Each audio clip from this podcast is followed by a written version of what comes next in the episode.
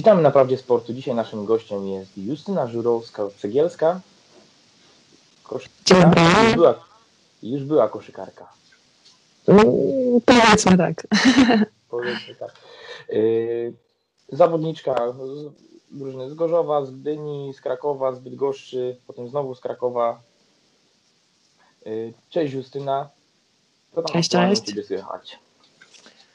Aktualnie, poza tym, że mamy wszyscy koronawirusa, to mało mnie to dotyka na szczęście, bo mam trzymiesięcznego synka i prawie czteroletnią e, córeczkę, także jest ruch w domu, jest e, przede wszystkim wszystko wokół. Maluszka się kręci, drugiego maluszka, natomiast e, no, cały świat gdzieś tam stoi, świat sportu na szczęście nie stoi i śledzę, obserwuję to wszystko, co się dzieje na parkietach no a poza tym jeszcze dużo rzeczy się dzieje.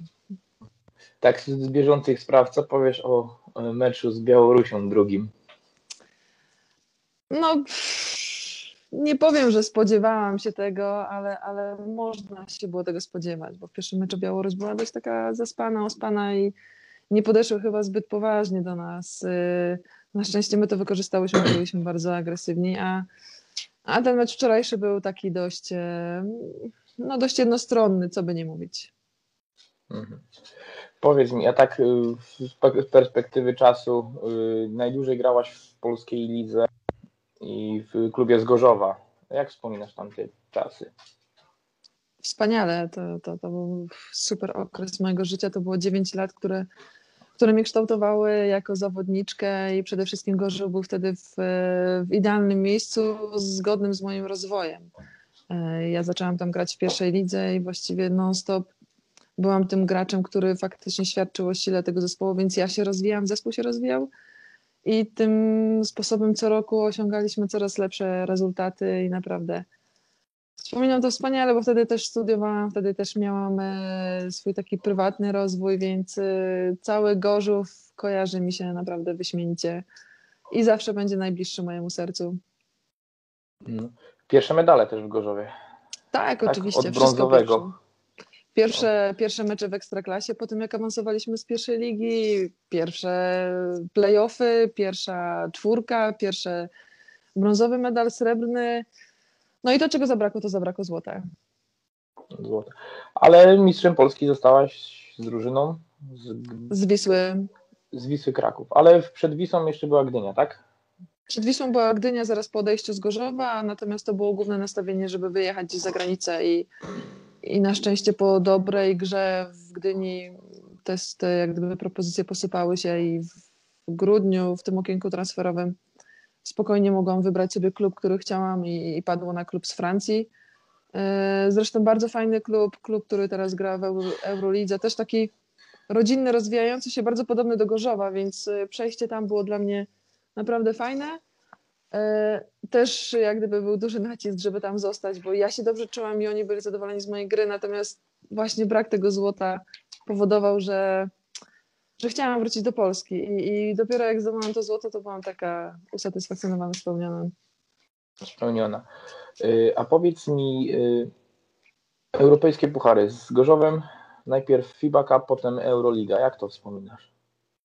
No, Pierwsze takie podejścia. Emocje to były, to były duże emocje, jak tak jak mówię, no ja przyjechałam do Gorzowa do pierwszej ligi, a nagle przyjechały dziewczyny z Eurocupu, z Euroligi, nazwiska, które e, właściwie oglądałam gdzieś na ekranie telewizora, z którymi marzyłam, żeby grać, a one w tym momencie stały na naszym parkiecie gorzowskim. Także no my jak gdyby w Gorzowie też się rozwinęliśmy już do tego momentu, że mogliśmy im się przeciwstawiać, a więc to nie było tak, że przyjechały i był jeden wielki zachwyt, tylko, tylko faktycznie walczyliśmy jak e, równy z równym i i myślę, że na ten moment już dojrzałam do tego, żeby grać w tej Eurolidze, Eurocupie i to było, to było rewelacyjne. Była zawsze pełna hala, były ogromne emocje, ogromne poruszenie przed tymi meczami. Każdy czuł zawsze fajne napięcie, więc y, to naprawdę było we mnie i też jak gdyby starałam się wybierać kluby, które dalej będą grały w Eurolidze czy w Eurocupie i, i, i to na szczęście mi się udawało, bo do, właściwie do ostatniego swojego sezonu zawsze byłam w klubie, który grał albo w Eurolidze, albo w Eurocupie. A największy sukces w europejskich to był z Wisłą, tak? Najdalej? W europejskich pucharach e, no w Eurolidze byliśmy w ósemce, tak. Tak. To, to było była... z Wisłą. No wtedy chyba Wisła nie miała do, do, raczej nie było drużyny, która by mogła ją pokonać wtedy w polskiej lidze i w Europie, tak patrząc w tamten sezon, to była taka potężna, mocna paka. No właśnie nie do końca tak było, bo byliśmy mocno, akurat w tym sezonie byliśmy mocno skontuzjowani. I tak naprawdę nas w tym sezonie było siedem dziewczyn do grania. E, to był taki czas, kiedy była tutaj Laura Nichols, Ołwinia, Iwon Turner. Nie mieliśmy jak gdyby właśnie takich super ekstra e, nazwisk, które mogły gwarantować to, że będzie to tak lekko, łatwo i przyjemnie. No to i w polskiej lidze z tego co pamiętam, to chyba zdawało, zdarzało nam się potknięcia nawet. Pamiętam też finał z Bydgoszczą, który zaczęliśmy, to zaczęliśmy od y, chyba 10 czy 15 punktowej przewagi dla Bydgoszczy. To, że później skończyło się 3-0 w finale, to jest y, inny jak gdyby temat, ale, ale mieliśmy bardzo trudny sezon wtedy. To wszystko było takie mocno, mocno wyżyłowane. No, ale sukces taki ale tak, smakuje. Ale sukces był super, tak. I, I, w polskiej lidze wtedy E, Pucharu wtedy nie osiągnęliśmy właśnie, bo nam wyjechała spod kosza jedna z dziewczyn, bo, bo gdzieś tam mhm. miała jakiś pogrzeb, coś i zdecydowała, że jest dla niej ważniejszy niż Puchar Polski, mhm. więc my w tym Pucharze wtedy nie, nie osiągnęliśmy nic. Także to był taki dość trudny sezon, ale pozytywnie zaskakujący w finalnym rozrachunku. Graś w trzech największych w tamtym okresie klubach, nawet no, po czwartym Bydgoszcz przez chwilę, to tam też do, dołączył do tej takiej E, elity, gdzie ci się najlepiej e, grało dla kibiców? A może gdzie najlepsi byli ci kibice, gdzie ich było najwięcej? No, to, to, to, to, to jest trudne pytanie, ale też i łatwa odpowiedź. Po prostu wszędzie. Wszędzie kibice byli inni, wszędzie byli e, oryginalni. Na pewno takim mm, takim ciekawym zjawiskiem jest Bydgoszcz, która ma kibiców tych takich e, z bębnami dopingujących, hałasujących, którzy są na co dzień więźniami i oni są przywożeni na mecz. E, oni są jak gdyby tak samo ubrani, ale ci chłopacy są tak oddani, że ten doping jest naprawdę e, z głębi serca od nich płynący i jest niesamowite, że ludzie, którzy gdzieś tam przeszli, bo to są ponoć mocno po mocnych wyrokach i, i, i to jest chyba dla nich taka największa nagroda, że oni mogą wyjść na ten mecz, więc e, oni kibicują mocno, ale powiedzmy, to nie jest ten kibic, co w Gorzowie, bo w Gorzowie każdy przychodzi z, z wyboru, z, z miłości, to wszystko się rodziło jak gdyby od początku i później tak jak pamiętam, no to ta hala też sprawia to, że w Gorzowie gra się, jak grałam później przeciwko Gorzowowi, bardzo ciężko, bo ten kibic właściwie siedzi ci na plecach, tak w cudzysłowie mówiąc. Wszyscy są bardzo blisko, więc ten kibic gorzowski jest, y, jest inny, inny jest bydgoski, a jeszcze inny jest y, krakowski, który ma dużo wyborów, jeżeli chodzi o inne aktywności, a, a przyjście na koszykówkę, szczególnie żeńską, jest dość takie oryginalne i tych kibiców jeszcze pamiętam, jak swój pierwszy złoty medal zdobywałam. Było dość dużo. Niezłe hałasy u ciebie. No, no, jeszcze nagle się bawić teraz. teraz także, już... także w Krakowie jak zaczynałam było bardzo dużo kibiców, później z roku na rok było ich coraz mniej, mimo iż sukcesy nadal były. No bo jednak koszykówka troszkę niszowym sportem w tych większych miastach jest, no nie ma co ukrywać, tak jak mówisz, że miała jednak inną predyspozycję tego miasta też. A powiedz mi tak, y, twoja kariera y, w kadrze. Moja kariera byłaś w kadrze? Mhm. Byłaś chyba w tym okresie takim chyba zejściowym trochę tej kadry. Mm, myślę, że tak, można tak to określić. Y, rozmawiamy tylko o seniorskiej kadrze? Znaczy, no, no seniorska to jest ta najważniejsza. No, w, w juniorskich były tam, nawet szczerze przyznam się, że nie wiem, czy były jakieś tam potem sukcesy po tym 99 roku, czy juniorska, czy seniorska, czy coś osiągnęła.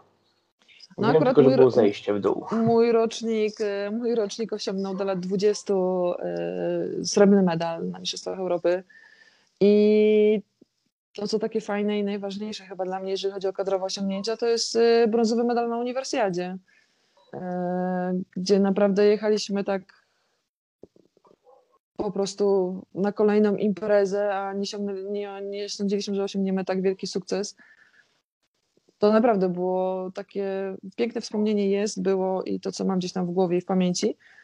Mm, kadra seniorska, były dziewczyny, które grały, bo tak jak Agnieszka Bibrzycka czy Ewa, to wszystko są nazwiska, które grały na europejskich parkietach na, na topowym szczycie. My tutaj jako Polki też grałyśmy, czy Paulina Pawlak, czy Magda Leciejewska, czy, czy moja osoba gdzieś tam i, i ten skład nasz był jeszcze taki naprawdę wartościowy.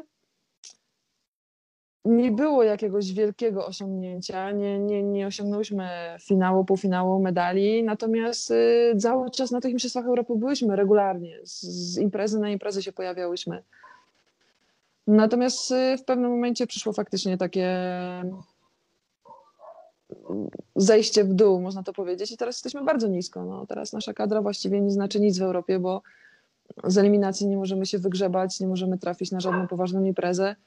A koszykówka jest taka, że jak nie trafisz na, na imprezę Mistrzostw Europy, to właściwie kadra nie ma co robić, bo nie ma żadnych innych, e, nie wiem, lig światowych, pucharów świata, tak jak siatkarze grają co chwilę jakieś kadrowe mecze. U nas tego nie ma. U nas jak nie trafiasz na Mistrzostwa Europy, to automatycznie nie macie na Mistrzostwach Europy, później nie macie na Mistrzostwach Świata czy Igrzyskach, bo nie masz szans po prostu awansu. Więc jeżeli nie awansujesz, to kolejne 4 lata e, nie walczysz o nic wielkiego. I to, jest, I to jest też duży problem, jak gdyby dyscypliny, że tych meczy jest tak mało, że ta reprezentacja nie ma kiedy się napędzić, nie ma kiedy się odkuć, jeżeli przyjdzie jakieś tam niepowodzenie. No, a co sądzisz o aktualnej pozycji jakby odbudowywania tej kadry, bo tak jak rozmawiałem z Eweliną Kobryń, jest jakaś coraz więcej jednak y, jest y, no jakaś przyszłość się wiąże przed tą kadrą, a jak twoim zdaniem, jak patrząc tak z boku już tego wszystkiego, chociaż będąc w tym środowisku? Przyszłość kadry może być tylko wtedy, kiedy będzie wspomagana przez szkolenie dziewczyn. Jeżeli będzie dobre szkolenie, to wcześniej czy później nam się jakieś tam perełki narodzą i, i na pewno ta kadra będzie mogła funkcjonować. Cały czas rozmawia się o tym szkoleniu, cały czas wiemy, że to jest duży problem, mankament y, polskiego sportu. No, chociażby spojrzymy na środek gorzowski, z tego co wszyscy wiemy i widzimy, szkoli się tam bardzo dużo dziewczyn, y, Natomiast tak naprawdę nikt jeszcze nie wypłynął z tego szkolenia. Nie, nie, nie mamy nazwiska, które możemy powiedzieć, że jest, tak, ona gra, bo takiej osoby jeszcze nie ma. Może potrzeba trochę czasu, a może właśnie potrzeba tego przepisu, który zostanie teraz wprowadzony, że te dziewczyny z przejścia juniorskiego na seniorski będą miały y, możliwość gry w, w, naszej, w naszej lidze, bo, bo będzie dziewczyna do lat 22 potrzebna na parkiecie. Więc może to daje im możliwość otworzenia się, bo będzie to wymuszone jak gdyby na trenerach, że, że te zawodniczki muszą grać, bo najczęściej to wiadomo, sprowadza się zawodniczki zagraniczne, a one grają i, i dla tych młodych polskich nie ma miejsca, a jeszcze te powiedzmy dojrzałe dziewczyny, tak jak my, gdzieś tam miałyśmy to szczęście, że grałyśmy przy przepisach, gdzie była jedna Polka albo dwie Polki nawet na boisku. I wtedy jak te dwie Polki musiały być na boisku w naszej lidze, to faktycznie później kadra miała kim grać, bo byłyśmy ograne, byłyśmy dziewczynami, które są na tym parkiecie, które funkcjonują, a teraz często jest tak, że zjeżdżają się dziewczyny na kadrę i tak naprawdę one z ławki, gdzie siedzą, mają nagle w kadrze świadczyć o sile zespołu. No, tak się nie da, tak się nie da osiągnąć żadnych wyników, także no ja liczę na to, że to szkolenie gdzieś, e, tak jak jest w Gorzowie, tak jak wprowadzony został ten przepis, e, wymusi też na innych klubach, żeby szkolić, żeby tych dziewczyn było jak najwięcej, żeby one nie rezygnowały, bo to jest taki moment pójścia na studia, więc ta koszykówka do końca czasami nie jest już najważniejsza i kończy się, wybiera się dobre studia zamiast e, grania w koszykówkę, nie próbuje się już tego łączyć u tych dziewczyn. A tutaj przy tym przepisie mam nadzieję, że to jak gdyby da nadzieję i pchnie e, ten rozwój tych młodych dziewczyn. Nie doszukiwałabym się sukcesów jak gdyby w tym momencie, w tej reprezentacji, która jest dzisiaj, ale na pewno jest to jakaś e, baza do budowania czegoś fajnego w przyszłości, bo też zwracam uwagę na przykład na nie same umiejętności koszykarskie dziewczyn, tylko na sposób poruszania się, bo dużo w koszykówce jest teraz fizyczności. Więc e, bardzo ważna jest fizyczność, żeby te dziewczyny były dobrze przygotowane, żeby one nie tylko trenowały koszykówki, ale, ale też naprawdę skupiały się na swoim ciele, bo tutaj jest y, dużo do popisu i dużo do poprawy. No właśnie wyprzedziłaś moje pytanie właśnie w sprawie tej naszej ekstra klasy, która się otworzyła po prostu i Pol Polki e, po prostu nie grały, bo rezygnowały po prostu z gry w wieku 21 lat. Przychodziły, przychodziły do trenera i mówią, że jednak kończą to i gra, z graniem zostają gdzieś tam przy trenerce, przy czymś, no ale już grania dalszego nie ma. No, tak po, mm, poruszyłaś temat Gorzowa, no szkolenie ponad 500 dziewczynek, wszystkie gminy dookoła Gorzowa i ościenne województwa krążą brak jakby tego, one dochodzą do seniorskiego wieku, albo odchodzą, albo po prostu rezygnują z gry. No, o wielu zawodniczkach można by tak było wymieniać, czy to w Gorzowie, czy nawet w samej Gdyni, gdzie też szkolenia tam na tym poziomie jakimś tam były. Y, a powiedz mi y, tak już jak no wiadomo, masz jakby jesteś na końcu swojej kariery sportowej, tej koszykarskiej, tako, jako zawodniczki. Jak patrzysz na polskich trenerów aktualnie? Czy oni powinni, nie, szkolenia dodatkowe, bo mi się zdaje, że polski trener koszykarski, przynajmniej damskiej, stanął w miejscu. No, jest to, jest to ważne zagadnienie, bardzo ważne zagadnienie. Mówiąc o tym szkoleniu, właśnie często się myśli tylko i wyłącznie o dzieciach. Natomiast uważam, że nie dzieci są tutaj problemem, bo mamy taką samą młodzież i te same dzieci, co Francja, co Hiszpania, co inne kraje, które zdobywają w koszykówce medale. E, natomiast kwestia trenera jest chyba tutaj wielką bolączką naszej dyscypliny. I możemy skupiać się na trenerach ekstraklasowych, ale ich jest tylko garstka. To jest e, parę osób Natomiast y, wielkim problemem naszym jest trener od młodzieży. To jest y, duży problem, bo często są to ludzie z przypadku, którzy tak naprawdę z koszykówką nie mieli nic wspólnego. I też w małej mierze są wyedukowani, bo nie każdy musi grać w koszykówkę, żeby być super y, trenerem. To, to nie, nie zawsze tak się przekłada. Natomiast taka serbska na przykład szkoła, jak przejdzie trener, jak jest na przykład po tej edukacji, to on naprawdę wie, co z takimi dziećmi robić i wie, co te dzieci potrzebują, żeby później grać. I Serbia, choć nie ma ligi, to zawsze Serbia jest bardzo wysoko. To jest i mentalność, ale przede wszystkim umiejętności techniczne tych graczy, nie tylko dziewczyn, ale i chłopaków.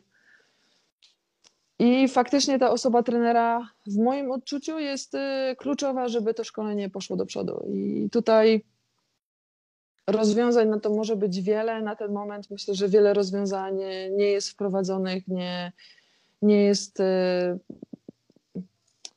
nie jest tak naprawdę to poprowadzone gdzieś chyba odgórnie ze związku, bo jesteśmy, nawet tak jak my, dziewczyny, my kończymy granie i tak y, zostajemy porzucone, że tak powiem. Nikt nie próbuje z nas skorzystać, nikt nie próbuje nas gdzieś tam bardziej wykorzystać, a a przecież jakąś taką podstawową bazę już mamy do tego, żeby dalej w tej koszykówce funkcjonować i, i tej młodzieży przekazywać e, tą swoją wiedzę, którą mamy. I myślę, że z nas można by łatwo zrobić jakichś tam potencjalnych trenerów.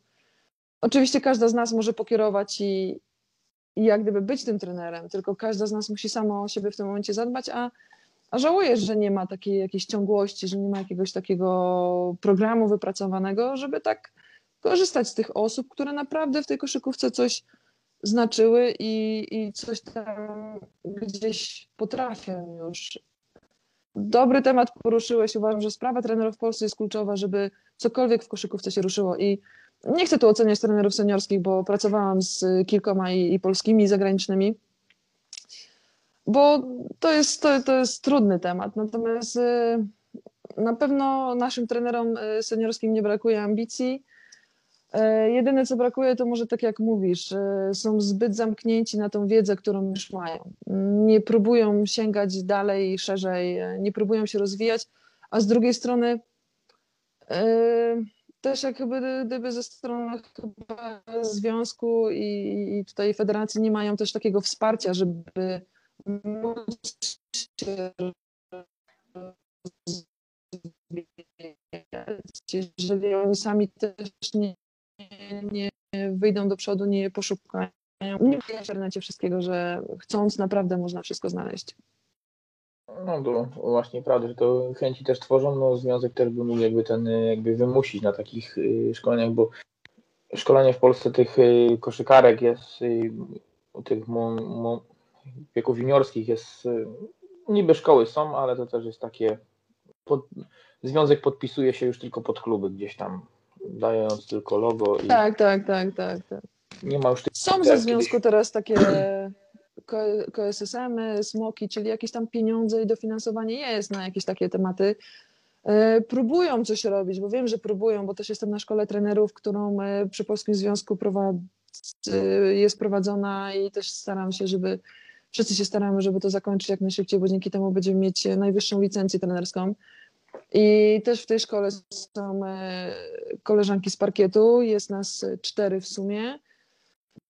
Natomiast mówię, no to wszystko było na zasadzie takie, że my chciałyśmy, my się tam pojawiłyśmy w tej szkole trenerów. W tej szkole trenerów też jest około chyba 50 osób i, i to też jest mało. To moim zdaniem to powinna być większa skala. E, no tylko to też kosztuje, więc nie każdy może sobie na to pozwolić. Tak zwanych WF-istów, którzy sobie dorabiają. Byłoby fajne, gdyby to, no może były na to większe finanse, no może tutaj o to się wszystko też rozbija. No to też jest kwestia tego, że przy tak słabej reprezentacji ciężko mówić o dużych finansach tam na dole. Dokładnie. A tak z perspektywy czasu, jesteś trenerką, dostajesz kilka ofert. Gdynia, Kraków, nie wiem, Gorzów, Bydgoszcz. Podjęłabyś się takiej roli? Na, tak, na tym nie. etapie. Na dzisiaj, na dzisiaj, nie. Nie, na dzisiaj nie. Na dzisiaj moja głowa absolutnie nie jest tak blisko koszykówki. Ja nie umiem robić niczego na 50, 20%, 70% u mnie jest albo 100, albo w ogóle. I na ten moment to jest moja głowa przy, przy dzieciach, przy domu. E, koszykówka jest bardzo z boku teraz. Mhm. A chciałabyś wrócić do, jako trener do koszykówki seniorskiej, czy bardziej juniorskiej? Rozważam. Rozważam, co jest dla mnie dobre, co jest dobre też dla mojej rodziny. Jestem kobietą, więc y, też analizuję inaczej, bo, bo ja wiem jako zawodniczka, jakie to jest czasochłonne, ile wymaga energii, wymaga fizycznego czasu, nie bycia w domu, żeby być na naprawdę tak zaangażowany. I czy to byłby poziom nie, bo gdyby czasowo i angażowanie się w cokolwiek, to ja bym była tam całą sobą, więc y, na ten moment ciężko mi tak daleko wybiegać. Bardziej, bardziej widzę siebie w do jakichś tematach chyba uczelnianych, naukowych. Y, bardziej tu mi się ta kwestia podoba. Mhm. I tak na sam koniec yy, powiedz mi, czy będziesz może organizowała mecz na zakończenie kariery? Żeby się spotkać jeszcze raz z koleżankami. Ta. Gdybym organizowała taki mecz, to na pewno chciałabym, żeby się odbył w Gorzowie. O.